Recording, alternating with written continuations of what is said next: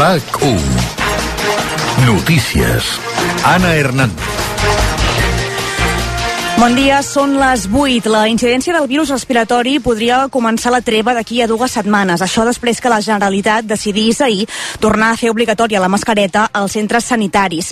En una entrevista al nou c de rac la secretària de Salut Pública, Carmen Cabezas, va ratificar aquesta decisió i va dir que davant la situació als hospitals i als CAPs del país no els ha quedat més remei. En aquest moment tenim una situació de moltes infeccions respiratòries i molta afluència de les eh, persones que cap als centres sanitaris. Pensem que les sales d'espera és un lloc on en consulten precisament les persones amb patologia respiratòria, que és important assegurar-nos que tothom porta la mascareta.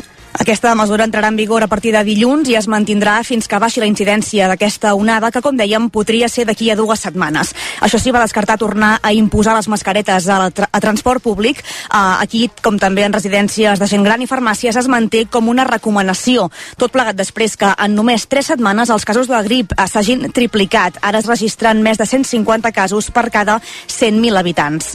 Matí amb primers retards a l'aeroport del Prat per la vaga dels treballadors del Servei de Terra d'Ibèria dia. Per segon dia consecutiu, a aquesta hora, alguns vols ja s'enlairen pro prop de mitja hora endarrerits, després que ahir la meitat de totes les operacions de sortida anessin tard i calgués cancel·lar 52 rutes amb origen Barcelona i 44 d'arribada a la capital. Entre els que sí que van sortir, hi va haver 37 vols que ho van fer sense maletes o només amb una part de l'equipatge dels viatgers. Si no hi ha canvis, la vaga es mantindrà fins dilluns a la nit. En plana internacional pugen a 110 les persones que han mort pel terratrèmol de magnitud 7.6 que va sacsejar el país, al Japó, el dia de cap d'any. Segons les autoritats locals, 200 persones més encara estarien desaparegudes. Per això la policia japonesa ha incrementat el nombre d'efectius, més de 700, eh, de 700 a més de 1.000, i també s'ha duplicat el nombre de militars desplegats a les zones afectades. Mentrestant, s'ha detectat un altre terratrèmol al país, aquest més petit, de magnitud 5.3 ha estat també a la prefectura d'Ishikawa. I els Reis d'Orient han acabat de passar aquesta matinada per totes les cases, malgrat la pluja. Això sí, algunes cavalcades van haver de modificar o escurçar el seu recorregut. En alguns casos fins i tot es van haver de suspendre per les males condicions meteorològiques. Els ajuntaments van buscar alternatives, com ara traslladar la recepció dels Reis en espais coberts. En el cas de Barcelona, on també va ploure amb ganes durant bona part de la tarda, l'alcalde de la ciutat, Jaume Collboni, va demanar a ses majestats la pau al món per protegir els infants i també que ajudin a tenir més cura del planeta. Avui dia de Reis també toca estar pendents de la loteria que repartirà més de 750 milions d'euros en premis, és un 10% més que l'any passat. A Catalunya, on hi ha 100 milions d'euros en joc, es calcula que caldrà eh, que cada català eh, s'ha gastat de mitjana 13 euros, un sorteig que començarà a les 12 del migdia. I ara els esports amb Oriol Jové. El dia de Reis arriba amb la jornada dels setzents de final de Copa del Rei pel que fa al futbol, una eliminatòria que arrencarà a les 4 amb el Lugo Atlètic de Madrid, a les 5 l'Espanyol rebrà el Getafe, a les 6 el Girona visitarà l'Elx i a dos quarts de 10 el Real Madrid jugarà al camp de l'Arandina, de segona federació. És una eliminatòria partit únic i que el Barça no jugarà fins demà a les 9 al camp del Barbastre, també equip de la que és la quarta categoria estatal. Mentrestant, en bàsquet, el Barça continua la reacció després d'haver guanyat aquesta passada nit al Bascònia, al Palau per 89 a 85, arribant a aixecar 11 punts en contra en el darrer quart. És la segona victòria consecutiva dels blaugranes a l'Eurolliga després de l'aconseguida dimecres contra el Real Madrid. Els blancs, per cert, també van guanyar l'Efes turc, però van necessitar fins a quatre pròrrogues, 130 a 126. I a aquesta hora del matí ja és en marxa la primera etapa del Dakar, que es disputa després del pròleg d'ahir. El recorregut és de 532 quilòmetres més 400 d'especial. I pel que fa al temps, matí encara amb algun ruixat aïllat a l'Alt Pirineu i a l'Aran en forma de neu i amb protagonisme pel vent, eh, que bufa i bufarà a moltes comarques. Ho farà a bona part del país, sobretot al sud i menys a les terres de Girona, on quedarà limitat a l'Empordà i al Pirineu. Ambient plenament hivernal accentuat per aquestes ventades, però amb el sol com a gran destacat a la majoria del país, tant avui com demà. De moment és tot. Més notícies a partir de les 9 al Via Lliure.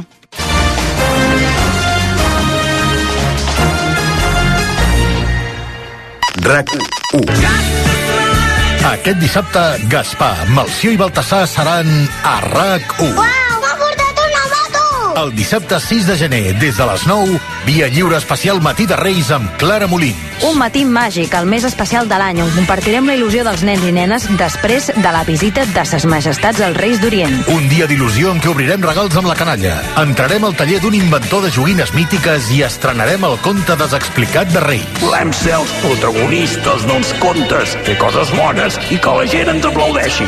Aquest dissabte de 9 a 12, un dia lliure molt especial per rebre els Reis d'Orient. Tinc molta emoció!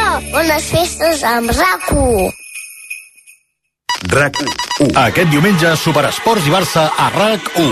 A les 5, Barça Obradoiro de la Lliga ACB. A dos quarts de sis, Arsenal Liverpool de la Copa Anglesa de Futbol. A les 6, la final de la Supercopa d'Espanya de Futbol Sala. Des de les 8, la transmissió del Barbastre Barça del setzents de final de la Copa del Rei amb Fotli Pou i tota la tropa del Barça juga a RAC1. I per rematar-ho, tu diràs amb Aleix Pariser. Aquest diumenge, Superesports i Barça a RAC1. El Barça Juga rac és una gentilesa de CaixaBank i Estrella d'Am. RAC1. Tots som 1. José Luis Bimbela Pedrola és professor de l'Escola Andalusa de Salut Pública de Granada, doctor en Psicologia i màster en drogodependències per la Universitat de Barcelona. És autor, entre d'altres, entre molts d'altres, de Bondat Pràctica i Radical. Eh, avui en volem parlar. José Luis Bimbela, molt bon dia. Molt bon dia. Tenim ganes de parlar d'aquest llibre que acaba de sortir fa molt poc. De fet, s'ha presentat fa molt pocs dies a Granada i que dius que va ser un èxit. Sí, mira, ho vam, ho vam presentar precisament el Dia Mundial de la Bondat, que em sembla Ah, interessant dir que que, hi ha, que hi ha un dia mundial, que és el 11, perdó, 13 de novembre. 13 de novembre. 13 de novembre.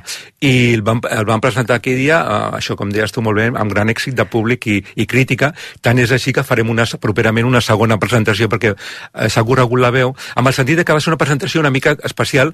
Eh, vam presentar el llibre, per què, on havia, eh, per què havia nascut, etc. I després va haver un debat super apassionant amb, que- amb el públic, no? Fixa't que estàvem en un lloc, la, un lloc mític de Granada, la Filmoteca de Granada, Mm. que tanca a les 9, bueno, pues el director va vindre a la, a la, a la, A la xerrada. a la xerrada i a les 9 i mitja a, encara estàvem a dintre, no? Perquè, I això va ser, jo que es va córrer la veu i ara es farem una segona properament. Uh -huh. Doncs estarem també pendents d'aquesta presentació, però avui volíem parlar d'aquest terme de la bondat, perquè no m'estranya que no poguéssiu tancar les portes, perquè dona molt de sí. De fet, tu mateix també expliques que tots volem deixar un bon record, tothom voldria que, que pensessin d'ell que va ser un bon el que sigui, un bon pare, un bon amic, un bon company, etc etc. I tu parles d'Ainoa Videgain, que ella és psicooncòloga, i que, a més a més, quan els pregunta digna i respectuosament a les persones a les quals acompanyen els seus últims dies de vida, que això és molt clau, com t'agradaria que et recordessin, parles justament d'això, d'aquesta bondat que els agradaria, però en quin moment ho oblidem? I aquesta pregunta em sembla clau. En quin moment oblidem que volem ser bons? Perquè estem envoltats de mal.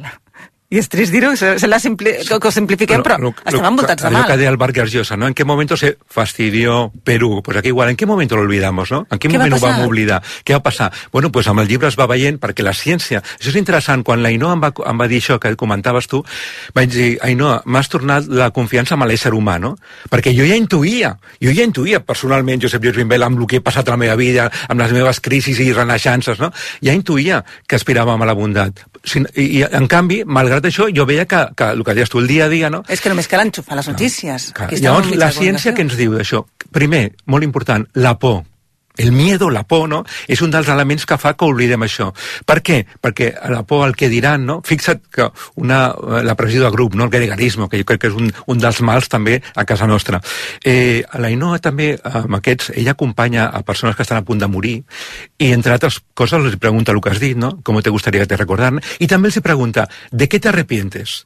I la immensa majoria li diu de no ha- haver fet el que jo volia, sinó el que volia el meu pare, el, el meu marit, els veïns, el poble, els, els amics, no? Clar, imagina't el que representa això, no? Llavors jo crec que en aquest sentit, quan treballem el tema de la bondat, un dels temes que hauràs vist amb el llibre és que treballem el que diem la salut emocional, no? Per empoderar-se, és a dir, dependre menys de lo que l'entorn diuen, no? És a dir, allò de tindre autonomia emocional llibertat, fonamentalment, no? És a dir, si jo tinc clar que les conductes bondadoses a mi, particularment, em beneficien, seguint fent-les encara que l'entorn pugui dir aquests tòpics de, de tan bueno eres tonto, no? que a vegades ens diuen. No? En aquest sentit és fonamental tindre aquesta autonomia emocional que em permet prendre les decisions, no? El jo decido, que jo un dels meus llibres anteriors es deia jo decido la tecnologia con alma, no? Perquè és fonamental. A partir d'aquí, clar, la bondat, el que dèiem, no? Eh, la, el primer que surt guanyant amb la bondat és el que fa la bondat, no? Jo, Clar. que he treballat a vegades amb famílies que adopten nens, t'ho diuen en seguida. Eh, El nen molt bé, però sobretot a nosaltres ens ha donat la vida. Fixa't, la vida. Un dels temes clau El també del llibre, de el sentit. El que en diem la salut espiritual, el sentit de la vida, no? Llavors, clar, això és fonamental, no? Per això és clau aquella frase que jo recupero també de la Bíblia, perquè clar, a les escoles de negocis, que són molt moderns, diuen allò del l'estratègia win-win, no? Ganar, ganar. I jo els dic amb tot carinyo, diu, dic, això ja està a la Bíblia. Quan diuen, amaràs al prójimo como a ti mismo. Però fixa't, como a ti mismo. I moltes vegades els ciutadans, les persones, els professionals, els pares, les mares, obliden aquesta segona part, que és fonamental. Jo recordo que, eh, ho he comentat alguna vegada, el meu anterior llibre era sobre el suïcidi, perquè jo el 2009 vaig pensar en suïcidar-me per situacions diverses de dolors físics, emocionals, etc etc. I, I entre les, els joves eh, és la principal causa de mort. Per això, per això, És- per això ara és ho molt- enfatitzo, no? Perquè ara que es parla de... Parlem de eh, la bondat, quan ho tradu traduïm a salut pública, on jo treballo, amb, eh, parlem de salut ètica, no? I jo dic, la bondat a mi me salvó la vida. En 2009, per què? Perquè no em vaig suïcidar, vaig posposar, que diem, no? Mm. Això és un tema clau quan parlem de suïcidi, posposar, no? Ara ho estàs passant molt malament, posposa-ho, a veure si ho podem arreglar, no? Perquè el suïcidi ja és... Sí. No té, No no té, no- no, no té volta de enrere, sí. Llavors, eh, per què? Perquè no m'he suïcidat per no fer un mal que era evitable i a més era immerescut als meus pares, que són els que més pateixen. Jo vaig començar a escriure una carta per despedir-me, per desculpabilitzar-los, però vaig entendre quan portava un full i mig que per molt que jo argumentés no ho entendrien, no? I vaig posposar. Primera decisió ètica que em va salvar la vida. Clar. Segona, que me la va sanar. Vaig dir, ja que he decidit viure, em vaig a cuidar més jo, no? Perquè jo portava un estil de vida, diguéssim, eh, millorable, no? Eh, molt estrès, mucho ego, era un moment en què estava jo, fixa't, professionalment a la cresta de la ola, eh, lo curiós, típic, eh? no?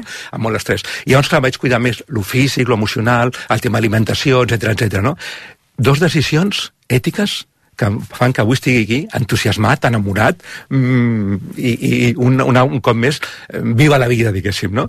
I això ve, i, i què és el que em va salvar la bondat? Aquest va ser un dels motius per escriure aquest Per llibre tant, la bondat és terapèutica. superterapèutica, per mi i pels demés, eh? I pels demés, això és fonamental, no? Ara, hem de dir-ho, el, el primer per mi, no? Per, per això m'agrada reivindicar, eh, aquí a, a, a, onda, a les ondes, allò que diuen, ai, hi ha, hi ha una espècie de mania o de tòpic sobre el- los libros d'autoayuda. Jo digo, viva l'autoayuda! Si tots els, els artistes ho diuen. Elvira Sastre, la gran poeta, diu, escribo para curarme. Eh, García Márquez deia, escribo para que me quieran. És a dir, i a mi escriure m'ha sanat, m'ha curat, no? I llavors, clar, per això, sent coherent amb això que, que dèiem, no? com jo ja estic curado escribiendo este libro, ja, ja no, no cobro per ell, no? I com saps tu, que quan hem comentat, no? Aquest és un altre dels punts. Aquest llibre, tots els beneficis van a Entre Libros. Que m'explicaves una, una història molt maca d'aquesta ONG sí. que, que fa una feina que ajuda a, a la gent en situacions eh, difícils a través dels llibres a també tenir una teràpia, no? Exacte, exacte. És a dir, eh, treballa amb poblacions vulnerables, per exemple, una cosa que em va impressionar molt és amb nens que estan en, en processos on- oncològics a l'hospital, van a veure'ls i llegeixen amb ells, no a ells, sinó amb ells, eh? Uh, i, És una jo- acció conjunta. I, he vist vídeos que, que són accessibles i els he vist actuar, i és que jo, jo, jo a vegades ploro de, de felicitat, d'emoció, no veient això. Després també, per exemple, en interns de presons, no? Que t'ho comentava abans sí, de començar. deies que a la presó de Granada havies estat i havia t'havien explicat i, i, ells. els, els interns em van confessar, diguéssim així, dient, cuando estamos con lo, las personas de entre libros, estar con ellos nos quita cárcel, no? O sigui, imagina't, no? Nos quita perquè, cárcel. Perquè arriben a un altre món, diguéssim, no? I llavors em va semblar adient, tenir en compte que es parlava de la bondat, no? Que fos una ONG que em sembla un exemple meravellós de bondat, no? Mhm. I, de fet, la presentació del llibre es fent sempre amb la gent d'entre libros, no? Perquè ells també es presenten i, i, i parlen de la bondat i com la fan pràctica. Fixa't que el llibre es diu Bondat pràctica i radical. Clar, aquí és volia anar també, perquè tu et passes tota l'estona també recordant que això és com anar al gimnàs. Ho has de practicar, si no ho perds. Clar, que això és has de practicar, ser bo. La meva obsessió, i jo sóc salubrista i, i porto 30 anys treballant a l'Escola de Salut Pública, com has dit, formant a sanitaris de tot tipus i a, i a, i a directius, és el tema de passar l'acció, d'aprendre i convertir una conducta esporàdica en un hàbit, no? Si jo, ara que arriba Nadal, no? Jo hago mi, mi conducta buena de Navidades, no? Per això, donacions aquí, allà, el que sigui, amb la família i tal. Ara, si això no ho entreno, és una conducta esporàdica, bueno, hasta l'any que viene, no? No, no, jo dic, és fonamental que ho entrenem, perquè si no, no ho convertim en un hàbit i ja s'incorpora normalment. No requereix un sobreesforç, no, ara voy a ser bueno, no? No, no, és a dir, si ho entrenes normalment, fixa't que el 2017, que també ho dic al llibre, una de les coses més precioses que vaig llegir precisament a La Vanguardia, eh, és el de, eh, Davidson, el eh, psiconeuròleg, que ens va dir, a més recordo, que a l'entrevista el veies que estava content per comunicar al món que la base d'un cerebro sano és la bondat i se puede entrenar, no? I ell, clar, és, és que igual que entrenem És molt l'empatia... esperançador. Aquest, això, això que, va, que et van despertar tu també ho estàs despertant ara. Aquesta confiança de nou amb la humanitat. Clar, perquè és clar, que clar. jo crec que la tenim perduda. Clar, clar, clar. Sembla que ser dolent és el que et fa sortir a les notícies. Escolta, si, que quan estiguem a punt de morir diguem, no, es que yo quiero dejar un buen recuerdo, pues yo en permeta que diria, pues chico, empieza a currar antes, no? no? Sí, perquè els últims dies ja no hi som a Jo dintre de la salut pública sóc preventivista, i llavors m'agrada prevenció, i a dir, comencem a fer-ho quan abans millor per poder deixar un bon record, perquè a més no sabem quan ens n'anirem, eh? la vida ja sabem que és molt d'incertidumbre, no? Llavors, anem a, anem a començar ja des d'ara. Hem de veure el dia a dia, que tu també parles molt de la plenitud del dia, del Exacte, present. exacte. Eh? I m'agrada molt que ja només començar, tu cites a la Gloria Fuertes i dius, lo primero la bondad, lo segundo el talento, i aquí termina el cuento. I jo li dic, li afegeixo, eh, també, amb Sí, tot sí, carinyo, sí, li sí, dic, clar, perquè i després com ja- dice Rosa Montero, y además sudar la camiseta, és a dir, lo d'entrenar, no? jo si- decido, jo hago, jo entreno. Sí. Que ho repeteixes també al llarg del llibre, en, varios, en diverses Sí. pàgines. Fixa't que l'altre dia un col·lega teu em, em deia, em va agradar molt, van dir, esto es como un mantra. Digo, oye, pues me gusta el concepto mantra, ¿no? Que anem a dir. Anem a repetir-ho. Sí, sí, jo decido... Jo decido, fixa't, jo decido si entreno bondat o entreno maldat. Si faig aquesta acció o aquesta altra. Vale. Segon, Jo hago. jo hago, clar, si no passo l'acció, estem repetint, com jo dic a vegades, coses que va dir Epicteto fa molts segles, no?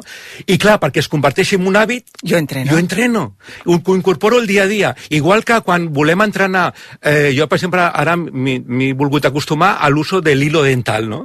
El Goleman ja ens va dir, perquè una conducta es converteixi en un hàbit, fan falta aproximadament unes 3 setmanes, eh? Tres setmanes d'entrenament, perquè ja no necessita haver un pòsit per poder fer la- l'exercici. Que et surti de natural. Pues això igual, La igual. bondat que surti de natural. Que surti natural. I és que apela, com aquí es diu al llibre, amb la ciència que està avançant ara molt en aquest sentit, apela a una eh, tendència natural de l'ésser humà, no? A mm, no competir, sinó cooperar, no? Ajudar l'altre. Perquè l'altre sóc jo. Sí, sí. És així. Uh, hi han dues frases que tu també repeteixes, que te les havia dit molt la teva mare i que són molt típiques d'aquí en català, que és fem un pensament, aquest seria entrar a l'acció. Exacte. Fixa't que aquesta pensament. frase jo l'estic donant a conèixer per tota Espanya. bueno, Espanya i Latinoamèrica, perquè estic fent, fent un curs de gestió emocional que ja tenim més de 10.000, 10.400 alumnes de tota, i molta gent de Latinoamèrica, i, i ho dic, no?, perquè em sembla... Fixa't que, a la, a, Sí, que sí. bonica el, el llenguatge. Fer... O sigui, és fer, vol dir, transformar-lo en acció, Clar. que no es quedi aquí al cap. Sí, sí, tots diem, oi, sí, sí, sí, sí. Volem ser bons, volem passar al, al, al, a l'altre món mm, havent deixat un bon llegat de bondat. Exacte. Però no ho fem. S'ha de fer. fem-ho, I després l'altre, fes bondat, Ah, sí? que això t'ho diuen Ah, molt quan ets petit, fes clar, bondat. I és una, és una manera molt maca també de, No. de fer aquesta apologia de la bondat. Però fixa't que ha sigut, ha sigut descobriments d'alguna manera que han sortit a mesura que anava escrivint el llibre i recordàvem, com explico moltes coses, a mi m'agrada ser, jo dic, jo soy el conejillo d'índies de tot, tot el que jo faig amb docència o amb conferència i tal, és que jo ho he aplicat. És a dir, no, no me limito a transmitir algo que alguien ha dicho en Harvard. No, no, jo ho he aplicat, si no, no m'ho crec, no m'ho puc transmetre com ara amb aquest entusiasme, no? I llavors, en aquest sentit, igual, han sigut uns descobriments que dic, digue-ho perquè és meravellós, no? Aquesta manera que el llenguatge ja té de llevar-nos a l'acció. Por favor, passemos a l'acció. Clar, i aquesta acció, moltes vegades, quan mirem, com dèiem ara, les notícies i veiem eh, tanta crueltat, tanta deshumanització, tanta falta d'empatia, què ho fa que la societat en general estiguem regits per aquesta falta de bondat? Perquè aquí sí que eh, hi ha alguna cosa que ens patina. O sigui, tots ens sentim bé fent el bé, però en canvi mm, no es fa i, i així ho traguem. És el que dèiem de la por, no? Eh, per què eh, tenim por? Perquè segurament hi ha gent que li interessa que tinguem por. Jo a vegades parlo d'uns titulars, d'aquells tipus titular. Eh, eh, de la bolsa, no? Titular. Ostres, hi ha gent que no juga a bolsa i que m'ha confessat, gent de col·legues meus, no? Eh, hòstia, yo solo veo el titular y ya, ya, ya me ha amargado el día, ¿no? Digo, ¿qué, qué juegas en bolsa? Dice, no, ya, pero... ¿no? Clar, I després llegeixes la lletra petita i diu, ha bajado un un y medio. Llavors el titular és un titular tòxic un titular tòxic, no? Mhm. Quan un, quan Tenim tenim molta responsabilitat als mitjans de comunicació, Clar, també. Sí, no? sí, és així, no? Teniu molt, Però no molt, no deixem de ser una eina, moltes no, vegades. Poder i, i, poder i compromís, no? O sigui, vosaltres ma- ma- hi podeu fer, però que estem aquí fent una bona tasca, no? Clar, eh, el, quan sentim por, la por ens fa treure el pitjor de nosaltres, individual i grupalment. Ens encasquillem, ens bloquegem i, a més, acostumem a atacar l'altre, no? Normalment si l'altre és de fora, com estem veient, no? Llavors, en aquest sentit, la és un dels elements clau i també tenim que analitz- analitzar a qui en beneficia este miedo. Jo fa anys, el 2014, quan va explotar l'èbola, aquí te'n recordes de l'èbola? Sí. Ara, ara, però ara en riem, Sí, però sí, clar, després de la Covid, moment, clar. i vaig escriure una, una editorial en una revista eh, eh, de salut pública que deia el miedo más contagioso que el ébola s'ha instal·lado en nuestras vidas. És veritat. I llavors jo anava comentant una mica amb la línia de l'inspector Hércules Poirot, no? a les novel·les Christie, que quan arribava a l'escena del crim eh, preguntava ¿a quién beneficia este crimen? Este muerto, ¿no? Y aquí havia la, la trama, ¿no? Ah, I llavors jo a l'article vaig fent això, no? A qui beneficia tanto miedo? I llavors jo acabo concloent, fixa't que encara no havia pensat en aquest llibre, ni molt menys, era el 2014. Acabo dient, a la gente, a la buena gente, buena gente dic, no nos beneficia. A la, a la immensa majoria de la població no ens beneficia. Ara, algú segurament sí, igual que ara sabem que hi ha gent que està guanyant molt amb el tema de les guerres, no? Mhm. Sí, sí, sempre hi ha Per una tant, part cal fer- econòmica. Cal, cal fer aquesta reflexió. Des de luego nosaltres no. I nosaltres, que després, quan estiguem a punt de morir, voldrem això, de deixar un bon record, hòstia, en, en, ens, és, en, ens surt a compte començar a exercir-ho ja sobretot tenint en compte també Clar, el- aquestes xifres que m'ensenyaves, tenim. que m'estàvem comentant fa una estona, del 2019, però que és que Espanya està al capdavant d'ansiolítics, hipnòtics i sedants. Exacte, exacte. Per què? Perquè no som feliços. Perquè aquest ritme de vida que tenim no ens fa, no ens fa feliços. Aquesta immediatesa, no? Eh, quan parlem de la salut espiritual, l'hauràs vist al llibre, que jo, a- de la mà de la meva admirada Mariola Bernal, doctora en antropologia mèdica, que ens incorpora a l'hedonisme típic, no? Està una cultura molt hedo- hedonista, no? Ho volem tot i ho volem ja. El plaer immediat, no? La immediatez. Això no omple.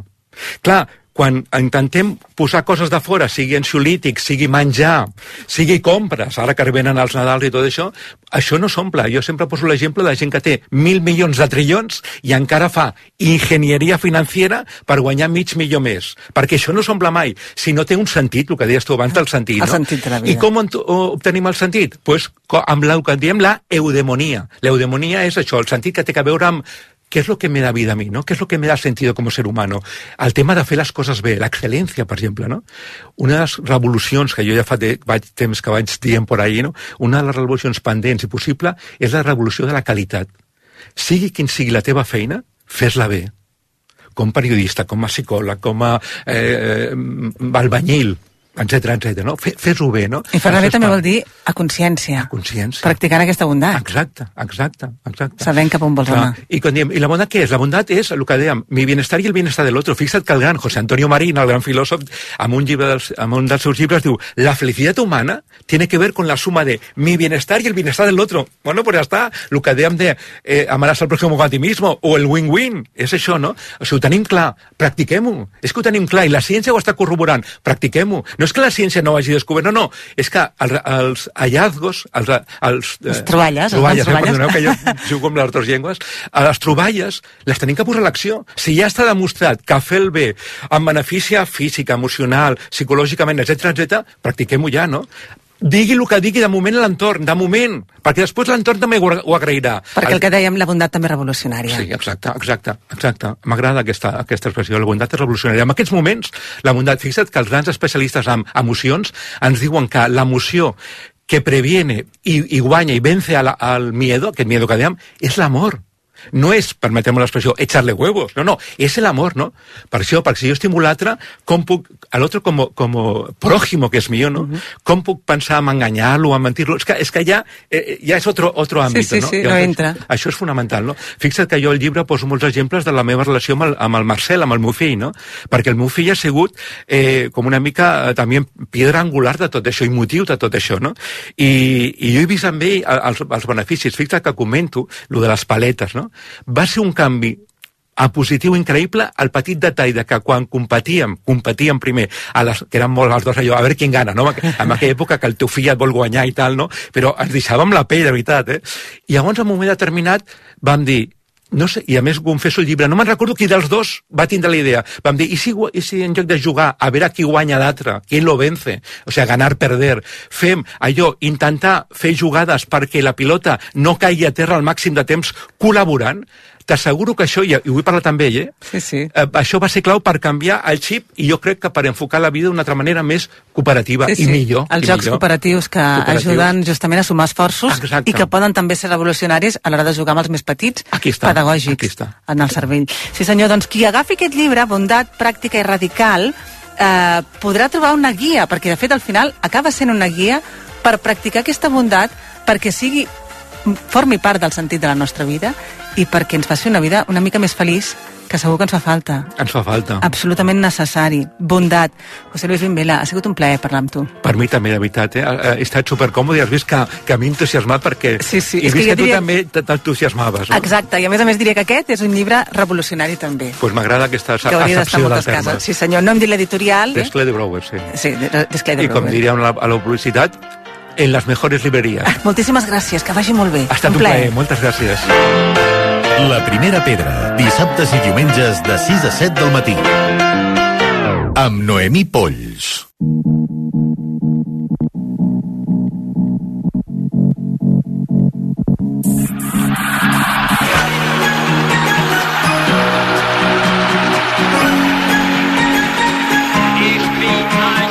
Sembla que amb la pandèmia una de les coses més curioses que es van esgotar als supermercats, a part del paper de vàter, va ser el llevat. I és que molts vam aprofitar les hores a casa per fer pa.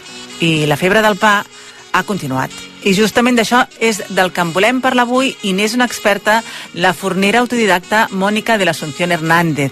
Molt bon dia, Mònica. Bon dia. Uh, ens fa gràcia això de que eh, sembla que la pandèmia va despertar una afició pel pa generalitzada, però que no s'ha esgotat. Eh, ho notes tu, que hi ha una especial febre del pa? Bueno, ara amb els tallers, quan molta gent quan ve diu sí, jo tinc la meva massa mare, que la, va, la vaig començar amb la Covid. Sí, sí, és així. Es nota, es nota. El que sí que ens agradaria és que ens expliquessis la teva afició, com va començar. Perquè tu a la teva pàgina, que qui vulgui ja pot començar a remenar ara sense sent bons focs a internet, perquè tu dius i expliques que de petitona ja et vas criar a la muntanya, passant hores i hores a cura de l'hort del teu pare, Mm. esmorzant tomàquets recent agafats, de la mata, clar, i llavors en aquí ja et ve per un, un gust pel rústic i que tu també expliques que tu sense saber-ho ja estaves justament donant molt temps a aquesta passió nova, a coent a foc lents, aquesta passió que avui es diu Bons Focs. Va ser així? És a dir, Sí. tu consideres que en els teus orígens ja t'estaven portant això- cap a fer pa? mm, Això va venir després, el pensament, perquè vaig dir, clar, si és que m'he criat així, no? Com valorant les coses... Això, imagina't un estiu que estàs voltant pel pati de casa i vas i agafes un tomàquet i te'l menges, tal qual. Llavors, bueno, això no ho pot És fer tothom, luxe, clar. és un luxe i cada vegada ho notem més en Clar, la però per mi era normal. I, i bueno, llavors vaig anar a viure a Girona, al mig del no-res, una masia, i allà vaig continuar el que el meu pare m'havia ensenyat dia a dia, no? Vaig fer hort, tenia gallines... Bueno, vaig connectar amb això, però vaig tornar a Barcelona. I per primera vegada vivia a la ciutat. I llavors per mi va ser com... Un xoc. Uau, sí.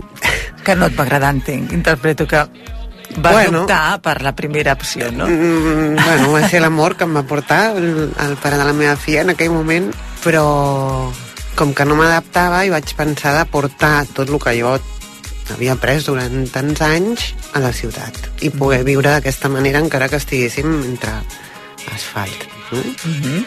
I així va començar. I, per tant, el teu projecte segueix aquí a la ciutat o fora? Sí, bueno, ara és un procés de canvi, des de la Covid, la guerra i tot això hi han hagut molts canvis, però sí, vaig obrir un obrador al Guinardó, eh, als inicis només feia tallers, però com jo cada taller pues, anava a esmorzar i dinar amb els pans que anàvem a fer, doncs la gent volia comprar-los i jo que jo no venc pa no, no era el meu interès no? però va haver-hi tanta, tanta gent que em deia que el volia que al final vaig obrir un obrador però era una mica així com alternatiu perquè només feien pa un cop a la setmana Mm -hmm. perquè el pa de massa mare dura una setmana llavors també era conscienciar la gent de que no has de comprar cada dia si és un bon pa Clar. però clar, això va pujant i al final vam acabar fent tres fornades a la setmana O inclús ho feien per encàrrec i ho enviaven per, per missatge. missatger. Això era com, uau, l'Alicia sempre, l'Alicia de Talleres Nòmades... Sempre, Ara comentarem, sí. Sí, sempre em deia que era pan 2.0, no? I... Seguiu fent-ho? No, ara ja no. No. Llavors, eh, va venir la Covid, va ser un moment difícil perquè jo sóc mare i estava sola amb ella i hi havia una setmana que estava amb mi que no hi havia col·le. Clar. Jo no podia treballar. Llavors la gent m'esperava cada 15 dies i, i feia comanda doncs, per dues setmanes. Aquí vam aguantar bé, però després quan va venir de la guerra amb la pujada de la llum, les farines, pensa que és un projecte molt petit, que estic jo sola, Clar. i llavors ja vaig dir, esto és impossible, o sigui, ja... I a part, un esforç important, eh? Perquè fer pa, quan et dediques per vendre'l, mm, Sí, sí, és... 4 al matí... Sí, sí, saps? són horaris els de forners molt, molt amb durs. una nena petita, llavors, bueno, vaig decidir tornar com als inicis i ara torno a fer pa només amb tallers. Ah, bueno, démonos Que m'encanta. I anava a dir, démonos tiempo, perquè Sí, clar, sí, perquè la, la tinc gent allà- en demana, la gent en demana, Bueno, i, i això està molt bé. Quan vaig plegar, la gent plorava. M'ho crec. Perquè Clar, ja no eren clients, era gent bueno, pues, que, que ens tenia una estima i deia, però és que el teu pa no el trobaré enlloc. I jo ai, no em digueu això, perquè va ser com, bueno, he passat un dol, eh, fent No, això. no, segur que sí, tu i els teus. I els meus. Uh, i, i, I la gràcia està també en que podeu seguir acostant-vos a bons focs per aprendre a fer pa. És el que jo els deia. Clar. Aquí- clar, Ara te l'has de fer tu. Te l'has de fer tu. I uh, és que de pans n'hi ha infinits. Uf, sí. Cada país té el seu pa. Clar. Sí, sí, és que és la base de l'alimentació. Tu t'has especialitzat amb el nostre, podríem dir, o no? Mm, sí, bueno, amb el que m'ha agradat. Ah, amb el que t'ha és agradat, el- quin és? És el nostre així... Entre també, cometes. Sí, el, el francès, l'italià, les xabates, el més mediterrani. El més mediterrani. Però, bueno, també fem un taller de pans nòrdics que és tot de sègol, que és tot un univers per explorar. Clar, heu d'entrar en aquesta pàgina i trobareu tots els tipus de tallers que es fa, però a part de tallers, també estàs de la mà de tallers nòmades, que ens ho va venir a explicar l'Alicia Rosselló. Sí. Uh, ens va explicar el viatge a Marroc, que anaven a, integrar-se amb la gent d'allà, però a més a més a aprendre a fer el pa de Marroc. Què té el pa de Marroc? Bueno, és un pa que és tot, perquè ja t'ho va dir ella, que, que ho fan servir a tots els menjars i a pa. Com a plat, exacte, com a no hi ha tot. coberts. I és un pa pla, ja no hi ha cap que sigui com els pagesos aquí. Mhm. Fan servir sempre, o la majoria de vegades, semolina de blat dur, que és la que es fa la pasta fresca, aquesta, que és molt Mhm. fineta i groga, que li dona un toc dolç brutal. I és un xoc molt fort amb el nostre pa. Bueno, de fet, jo portava massa mare i la noia em va dir a mi no me gusta el pan àcido. Clar. No? Perquè per ella és com molt àcid. Els seus pans són molt més dolços. Però és que tenen una varietat que no te'ls acabes, també. Entre, dintre del pa de Marroc. Claro, claro. I persones, també, no? I... És que, de fet, el pa segurament, eh, i més si el fas a casa, cada casa té el seu pa. I, per tant, a partir no d'aquí- només que cada, pas, mm, cada casa té el seu pa, sinó que cada mà li donen una característica a cada pa, perquè les mans tenim llevats. Els llevats estan a tot arreu, però les mans també, llavors no hi ha ni un pa que pugui sortir igual. I si ara ens està escoltant i digués és que jo no m'hi he ficat mai amb això de fer pa, però m'agradaria iniciar-me. Pots fer-ho també a través d'un dels teus tallers, inici de zero, començar sí. a fer... I sempre passem per la massa mare? És que jo sóc molt fan de la massa mare. sí que és veritat que faig tallers on, on fem servir llevat, però, bueno, no és que estigui en contra, eh? jo sé que hi ha pans que es fan amb llevat, quan parlem de llevat és el llevat industrial, que és un cubo, o Sí, el sí. llevat de forner, que aquí només hi ha llevats, no? El Saccharomyces cerevisiae. Uh, la massa mare és una altra cosa, és, un, és farina i aigua que fermenta naturalment gràcies als llevats que tenen la pell dels, dels cereals i això li dona sabor, conservació. El llevat el que fa, el de forner, perquè ens entenguem, és que fermenta molt ràpid i llavors els pans no són tan digeribles. Mm. I llavors venen intoleràncies, Exacte, aquí... afegiment, afegir coses perquè sàpiga millor... I, bueno, aquí viene todo Clar, el clar, clar, temazo. moltes vegades es diu és que no, jo dec tenir intolerància al gluten perquè cada vegada que menjo pa em senta malament. I potser és el tipus de pa que està menjant. Com es fa? Com sí. s'ha fet. Com s'ha fet, i les farines, i si hi ha gluten afegit, i si la fermentació és molt curta, Mhm. perquè, clar, ara com tenim tanta pressa, pues, Que aquest és un altre dels rituals del pa, no? Que no Clar. vol presses. No, és terapèutic. És terapèutic. Per qui té pressa és terapèutic. És terapèutic fer-lo i és terapèutic menjar-lo. I compartir-lo. I compartir-lo. Que bonic, sí senyor. És que és veritat. Uh, si algú ara ens estigués escoltant i volgués iniciar-se a casa, així, escoltant-nos entre tu i jo, ja que és cap de setmana, uh, algun consell per fer aquesta massa mare que puguem tenir? Com començaríem? Podríem començar Bueno, en així? el blog de Bons Focs hi Ja ha tot podria un post que cada mes el vaig fer per acompanyar els tallers, perquè, clar, en un taller explico moltíssimes coses. Sempre dic, acabareu amb el cap com un timbal, no? perquè, clar, expliques com es fa la massa mare, després comencem a fer el pa, l'enfornem, clar, surts amb molts conceptes al cap. Llavors hi ha un post al blog on, on explico com es fa la massa mare. I per això necessites 5-6 dies. 5-6 O sigui, dies. no pots dir, demà faig pa. No. Jo això ho vaig fer fa 19 anys i tinc la meva massa mare que fa... Encara és la 19. mateixa? Clar, Va. el que passa és que va Sí, sí, refrescant. es va refrescant. Sí, sí. Bueno, clar, hi ha forners que ho tenen de generacions. Clar. És total... Acaba sent un tresor, aquesta massa mare. És l'ànima del pa. I en el meu cas, bueno, jo sempre digo, és oro blanco perquè ho regalo. I mm, és que sense això no hi ha projecte, per exemple, en el meu cas. Clar, clar. I sense això no hi ha pa. Clar, sí, pots fer servir llevat, però sense la massa mare és l'ànima del pa. Uh -huh. Si algú volgués fer un viatge per conèixer pa, a part de Marroc, a on els enviaries? Alemanya. Alemanya, sí? Sí, tenen una varietat de pans i hi ha, hi ha per cereals que no fem servir molt, però és que tot arreu. O sigui, a Mèxic estan les tortilles... Hi ha algun lloc on no es mengi pa al món? Eh, pues no sé, jo crec que no. Difícil on no de els enviaria és a, Estats Units. No. Bueno, a San Francisco sí que hi ha una moguda així de, Més alternativa, de no? pans de massa mare, però mira, pensa que un pa industrial als Estats Units porta 19 ingredients. 19 ingredients. Quan el pa de massa mare és aigua, farina, sal.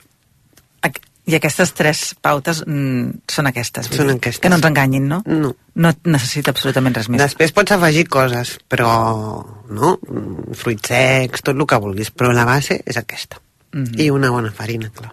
I una bona farina. És fàcil trobar aquests ingredients eh, Ara bons sí, aquí? sí. Farines ecològiques, Catalunya? mogudes a la pedra, eh, que portin el germen, perquè el, el germen és com el nucli del, del, del cereal, com si fos el rovell de l'ou. Mhm. No sé si et sona l'oli essencial, eh, sí, oli de germen de tria. Sí. pues, eh, de blat. Doncs això ho estreuen perquè, perquè es rancia, és un oli. Mm, Però què t'estan traient? El rovell de l'ou. clar. Llavors has d'intentar buscar farines que són una mica més cares, però que continguin tot, no? Que siguin farines completes. Uh -huh. I per això també el pa autèntic sempre té aquest punt àcid. L'acidesa la dona la fermentació, que és més llarga, i la massa mare. Però és una acidesa que es pot controlar, o sigui, no cal que sigui molt àcid. El que passa és que, que si estàs acostumat a pa industrial, quan prens aquest, és com... Però fins i tot hi ha gent que ja el busca així, no? Home, clar. És la gràcia. Normalment, si t'agrada, que, que el normal és que agradi, si, si està ben fet, ja no menges cap altre.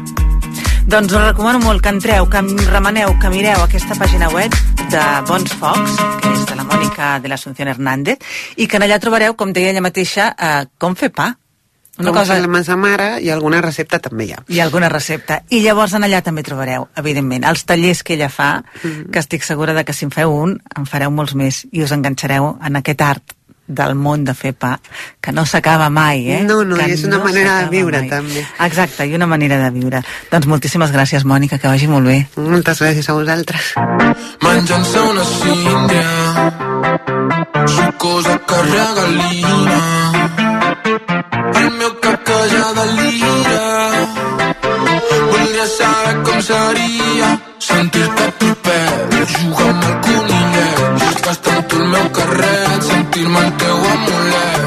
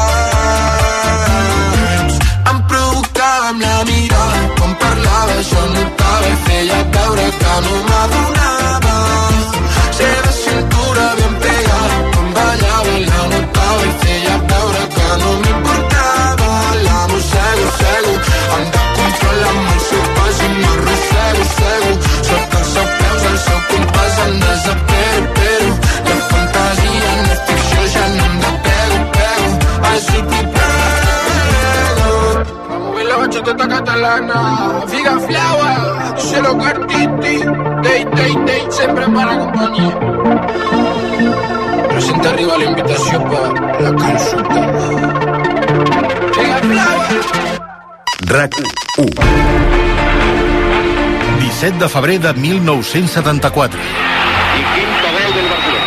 Ha marcado Sotil 5-0 a favor del Barcelona y una severa derrota. Com un enterro de tercera. Silenci, sepulcral, estaven cridant els gols. 8 de gener de 1994 Abans del partit, el Mario em va dir Juan, tranquil·lo, que tré tres gols. 50 anys després de l'històric 0 a 5 del Barça al Bernabéu. 30 anys després del 5 a 0 del Dream Team. Aquest dissabte, a les 12 del migdia, un regal de Reis pels culers. Barça, del 0 a 5 al 5 a 0. Un reportatge de Damià López. Recupereu-lo quan vulgueu a l'app de RAC1 i a rac1.cat. RAC1. Tots som 1. RAC1. Aquest dissabte de Reis, Copa i Superesports a RAC1. A les 5, Espanyol Getafe dels setzents de final de la Copa del Rei, amb Edu de Batlle, Xavi Puig, Jaume Molló, Joan Camí i els comentaris de Dani Solsona. A les 6, Ells i Girona, també de la Copa, amb Miquel Agut i els comentaris de Marc Brugués i Adai Benítez. Pendents a un quart de set del Barça Jaén de Futbol Sala, a dos quarts de set del derbi de la Lliga Femenina Barça-Levante Les Planes i de l'última jornada de la primera volta de la Lliga ACB. A dos quarts de deu, Arandina Real Madrid de Copa. I per rematar-ho, tu diràs fins a la una amb Gerard Ballera. Aquest dissabte, Copa i Superesports a RAC1. El Girona i l'Espanyol Juga RAC1 és una gentilesa de CaixaBank i Estrella d'Am. RAC1. Tots som 1. RAC1. Molt bé, això dels virus intestinals, eh? Després de 10 dies d'àpats, on el més lleuger que heu menjat és un llamàntor de la mida d'un darnador, farcit de garrí amb cansalada, sí. una bona grip intestinal va bé per buidar. Mira, és molt positiu veure com l'estómac treballa, com l'estómac s'emociona, Sí? i quan l'estómac s'emociona, plora. Quan comenceu a notar que allò ja no és tronc, que allò no és solidesa... Què? Però com, què- com explicar aquell, No, no cal aquell estat de la matèria, no? No, no cal explicar-ho. Heu fet servir mai un pot de nat en spray? Li crec que- Cap al final. Doctor, Cap al doctor, final. doctor. De dilluns a divendres, de 12 a 1, la competència. Amb Òscar Andreu i Òscar Dalmau. RAC1. Tots som 1.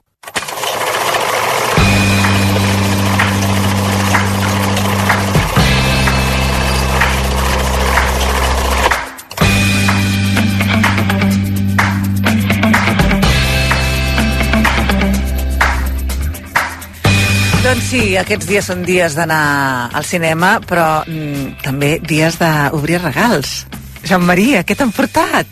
Han vingut carregats o no? Has sí, obert o no? Sí. Sí, et recordo que jo sóc d'un poble, d'una ciutat, D'una ciutat. on els reis passen el dia 5. Clar. I passen per les cases, vull dir, perquè passar el dia 5, tot, tot arreu passen el dia 5. Però passen per les cases el dia 5 i et porten directament eh, amb Ah, els sí? patxes... I què, els- què? S'han- T'has portat bé o no? Sí. Sí? Sí. Et veig Que, a content. tu què et sembla, que sí o que no? Jo crec que sí. Tu fas cara d'haver-te portat és a molt dir, bé. Jo crec que tu i jo estaríem al llibre blanc, els dos. Sí. Què et sí, sembla? Sí. Zero carbó, oi? Al final què? sempre em porten una mica. Sempre porta no? una mica per, per, per, Sí, perquè no et sentis diferent, Sí. sí. que som la mar de bons. Són la mar de bons, sí. Però un- una mica sí, una mica sí. Una miqueta, ja I, bé, I ja la resta bé. regals, bé. Bé, Què us agrada? doncs. Aquest jersei. Eh, home, estàs guapíssim. Ja ho he pensat. Dic, això pinta Aquest- aquest no- que aquest- hagin sigut dels Reis d'Igualada. Sí, senyora. Els d'Igualada, veus? És que, clar, Igualada feu molt bona roba. Fem molt bona roba. Molt bon disseny i tot. Clar, clar. Fem ho, molt bona gent. fàcil. ho teníem fàcil, el Reis. Ho teníem molt fàcil, bé, és que sí. Sí, senyor. Escolta'm, i quin cinema anem a veure avui? Què et sembla si tant avui com demà anem als països nòrdics? Ah, bé. Sí? Sí. Podem fer així, Finlàndia avui i Nor- Noruega demà. Sí, com ho però, veus? però amb, amb subtítols, no? Perquè Eh, sí. jo almenys em sap no greu, em sap greu, però sí, ha de ser, Va, ha de ser amb subtítols. Doncs va, um, és una pel·lícula que va arribar no fa gaire. Jo t'haig de dir que la primera vegada que vaig veure el tràiler fa dues o tres setmanes em va fer una mica de uh, mandra, però he anat veient a partir d'aquí totes les crítiques que hi ha hagut i després també uh, me la van recomanar i, i t'haig de reconèixer que és molt, molt, molt bona. Ara bé, no, són, és, no arriba a l'hora i mitja, són uns 81 minuts aproximadament una història, Està bé, una cosa m'agrada així. que siguin curtetes.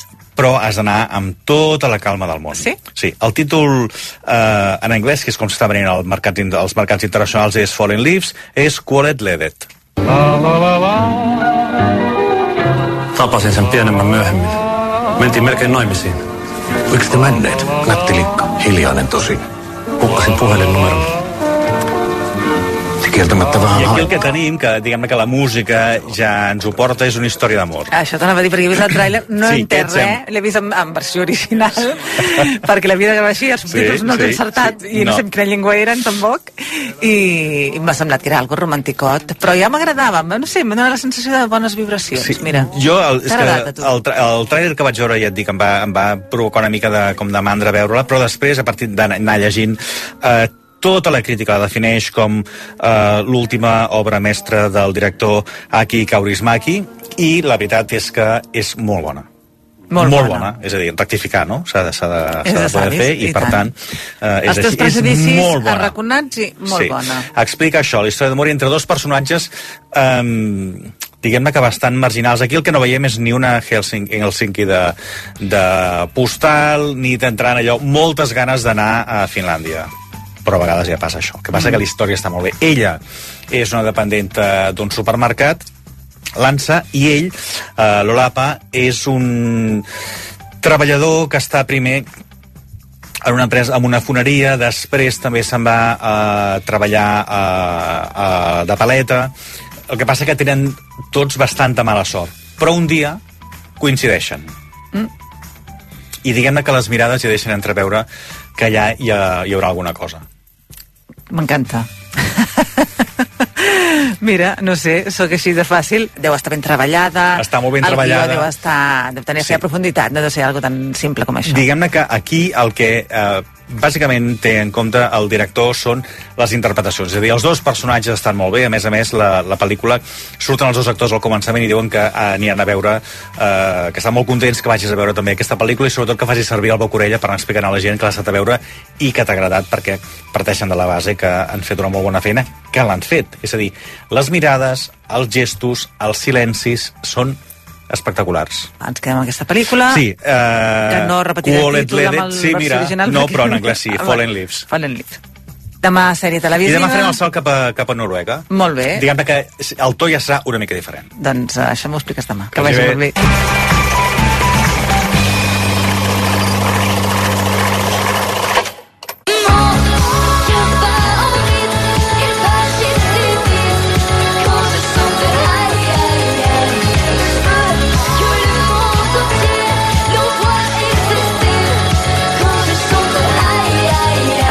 Ai, ai, ai, ai, Jordi Ramos, bon dia. Hola, molt bon dia. Què, què, has obert paquets o no encara? Doncs mira, t'he de confessar que els tinc reservadets sota l'arbre. No m'ho puc creure. T'ho prometo, sí, Però sí, els has sí. vist? N'hi havia? I tant, i tant han que n'hi deixat? havia.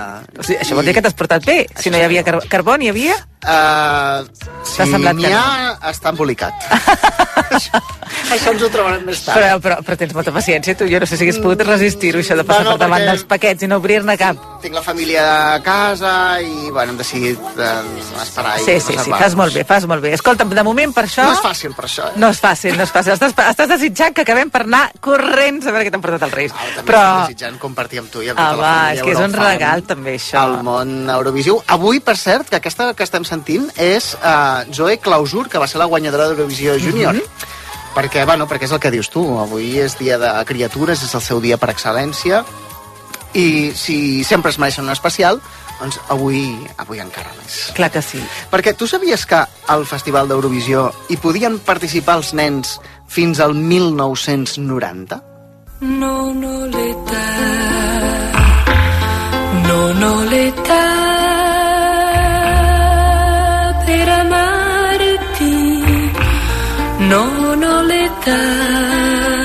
Això vol dir que eh, fins aquell any eh, podíem participar-hi. Sí, sí, no hi havia límit. No hi havia límit, eh? I, Que bo. de fet, alguns devien veure que això era una cosa que enganxava. Mm, Ginola Cinquetti va guanyar Eurovisió ben jove amb aquesta cançó que ens han tendrit al matí, mm. però d'acord que ella tenia 16 anys, no era molt petita, però déu nhi 16 anys per guanyar el Festival d'Eurovisió. Això era el 1964. I 3 anys més tard debutava Vicky Leandros.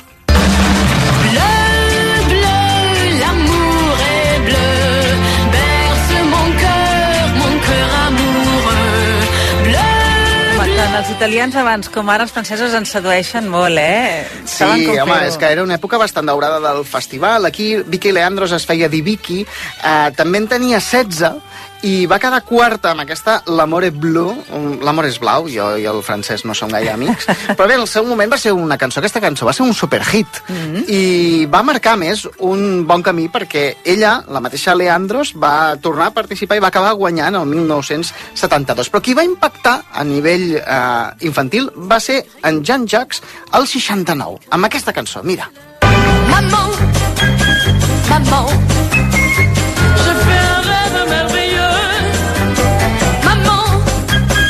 maman, et que j'étais devenu grand. Era el representant de Mònaco eh, l'any en què el festival es va fer a Madrid. Després de la victòria de La La La, va ser l'any que va Ah, guanyar esclar. Salomé, però aquest és el noi que participava per, per Mònaco i deia que va impactar perquè era un nen de 12 anys. Caram. Sí, sí, ell cantava la seva mare, la veritat és que no li va anar gaire bé, però la cançó també va ser un èxit considerable, sobretot a Espanya, que va gravar la versió en castellà i, i realment, no sé, potser, qui sap si això també va inspirar altra gent o la mateixa televisió espanyola de cara al 78, perquè van fer això. Si todo el mundo quisiera una canción que hable de paz, que hable de amor. Com la recordem, aquesta, molts. Sí que Betty Misiego no era una nena, precisament. No, això t'anava a dir. Però que per cert també va ser l'any en què gairebé guanya Espanya per Sí, allò del sí, gol a sí. pròpia porta, que hem explicat tantes vegades, però que recordem que va ser el cas. El tema és que mm, Betty eh, Misiego anava acompanyada d'un cor infantil. Portava quatre nens i nenes que al final traien uns cartellets supermonos amb les paraules gràcies, merci, thank you. Oh, Sí. Ja no recordo jo això, veus? no recordava. Recordava el cor, però no recordava que portaven aquests cartellets. No sé, va ser tot molt cookie. Eh, segurament algú doncs, hauria trobar, no sé fins a quin punt, una, una voluntat de voler entendrir el personal, però bé, en qualsevol cas, segur que alguns van pensar que sí, i això va fer que encara n'hi hagués més, perquè, mira, el 1982 encara guanyava un altre menor d'edat. Ein bisschen Frieden, ein bisschen Sonne für diese Erde, auf der wir wohnen. Ein bisschen Frieden, ein bisschen Freude, Aquesta també et sona. Sí, a més, aquesta és Alemanya, ja. Sí, en Hem d'idioma. Frieden. Sí. Una mica de pau. Està bé. Bueno, intentar dir-ho el millor possible. Aquesta va ser la primera victòria d'Alemanya. Mm. Es deia Nicole, tenia 17 anys i, i, i bé, com pots veure, marcava aquesta, aquesta tendència que diguéssim doncs, d'anar portant gent jove amb un rècord, per això, que es va produir el 86. Llavors va ser quan va haver-hi la guanyadora d'Eurovisió més jove de tota la història. Representava Bèlgica.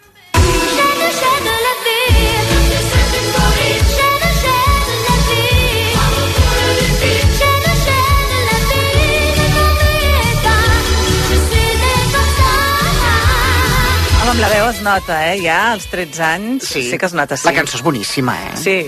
No, no dissimula que és als anys 80. No, no, no, exacte, exacte. Es nota, es nota Sí, és curiós perquè ella es deia Sandra Kim, va dir que tenia 15, però en realitat en tenia 13. Sí, sí. O sigui, va mentir? Sí, però bé, suposo que al final van poder sortejar les coses Sí. com bonament van poder. No sé, jo que, que sí que penso és que, um, bé, en qualsevol cas, um, ara mateix això seria absolutament impossible, No, perquè no. ara està prohibit i la, els concursants estan repartits entre el júnior i el sènior. I entre altres coses, eh, això es va acabar dividint perquè el súmum va arribar l'any 89 quan eh, França envia una nena de 11 anys. Caram. Es deia Natalie Paque i cantava així. Je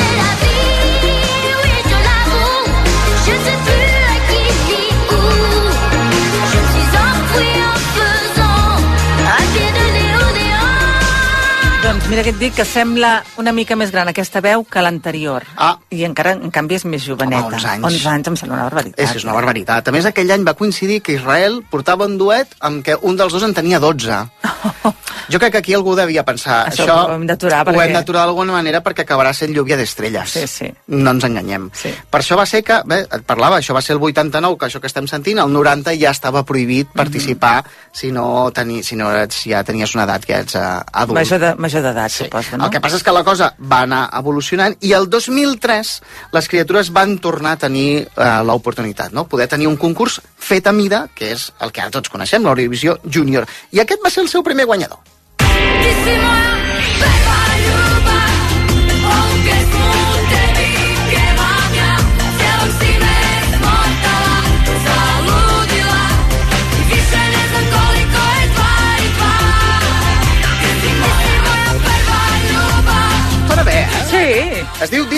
Geluis, que cantava Ets el meu primer amor, que això sí que no t'ho sé dir en el seu idioma original, perquè això és en croata. Eh, representava Croàcia, també tenia 11 anys. Caram. I curiosament aquest noi ara, eh, així com el sents d'angelical i divertit i curiós, mm -hmm. és cantant de hard rock i de heavy metal. Home, això ja passa, eh, a vegades, que volen trencar totalment la imatge d'innocent del- de quan eren peti, petits. Sí, com tantes noies Disney. Ah, exacte, ha- exacte, sí, senyor. ha la tira. Però bé, en qualsevol cas, eh, té aquest honor no, de ser el primer guanyador d'Eurovisió Júnior, com et deia, l'any 2003, i el segon és una noia, i també el primer i únic cop que va guanyar Espanya. Antes muerde que sencilla, ay que sencilla, ay que sencilla. Antes muerde que sencilla, ay que sencilla, ay que sencilla. Que la verdad, porque somos así, nos gusta y el amor que nos gusta. Amb aquesta l'hem ballat molt, eh? Però és que, I clar, que ara, ballarem. ara estic pensant l'edat que tenia... Maria Isabel tenia 9 anys. 9 anys. 9 anys tenia, clar, 2004. Bueno, ara, mm, ara és mare, es va retirar de la música i tot i que ha anunciat que participarà en aquest programa nou de Telecinco, rotllo Balla con, Ah, Baila sí? con les estrelles, sí, ara la veurem a partir del, del gener, però bé, una criatura, una nena que està a punt de fer l'any, per tant segur eh, que ara mateix deu estar amb ella eh, obrint els regals que li han portat al rei. Ah, exacte. Doncs escolta'm, em sembla una idea fantàstica haver parlat dels més petits avui, que és el dia de Reis i que és especialment el seu dia. Sí, sí amb aquest gustasso de muerta que... Exacte. No, antes muerta que sencilla. Ah, exacte. Doncs nosaltres acabem així, amb la Maria Isabel, recordant-la, i amb aquest antes muerta que sencilla. I la marxa que porta. Adéu-siau. Bon dia. Bon dia de Reis.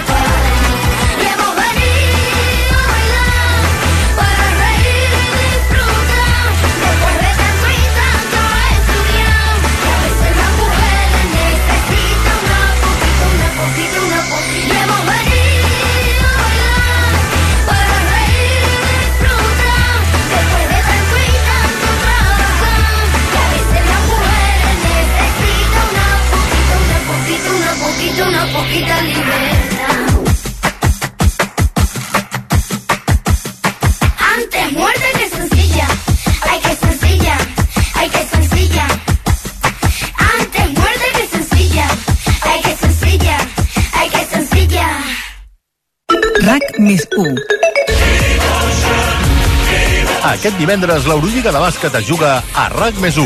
A dos quarts de nou, Barça-Bascònia. Satoranski cap a Bessel, el llançament de tota la vida i cap a dins. Viviu-lo a l'app de RAC1 i a RAC1.cat amb Dani Aguilar i els comentaris de Jordi Colomer. Aquest divendres l'Eurolliga juga a RAC més 1. RAC més 1. Actualització constant a RAC1.cat. El portal de notícies de RAC1. R-A-C-U.C-A-T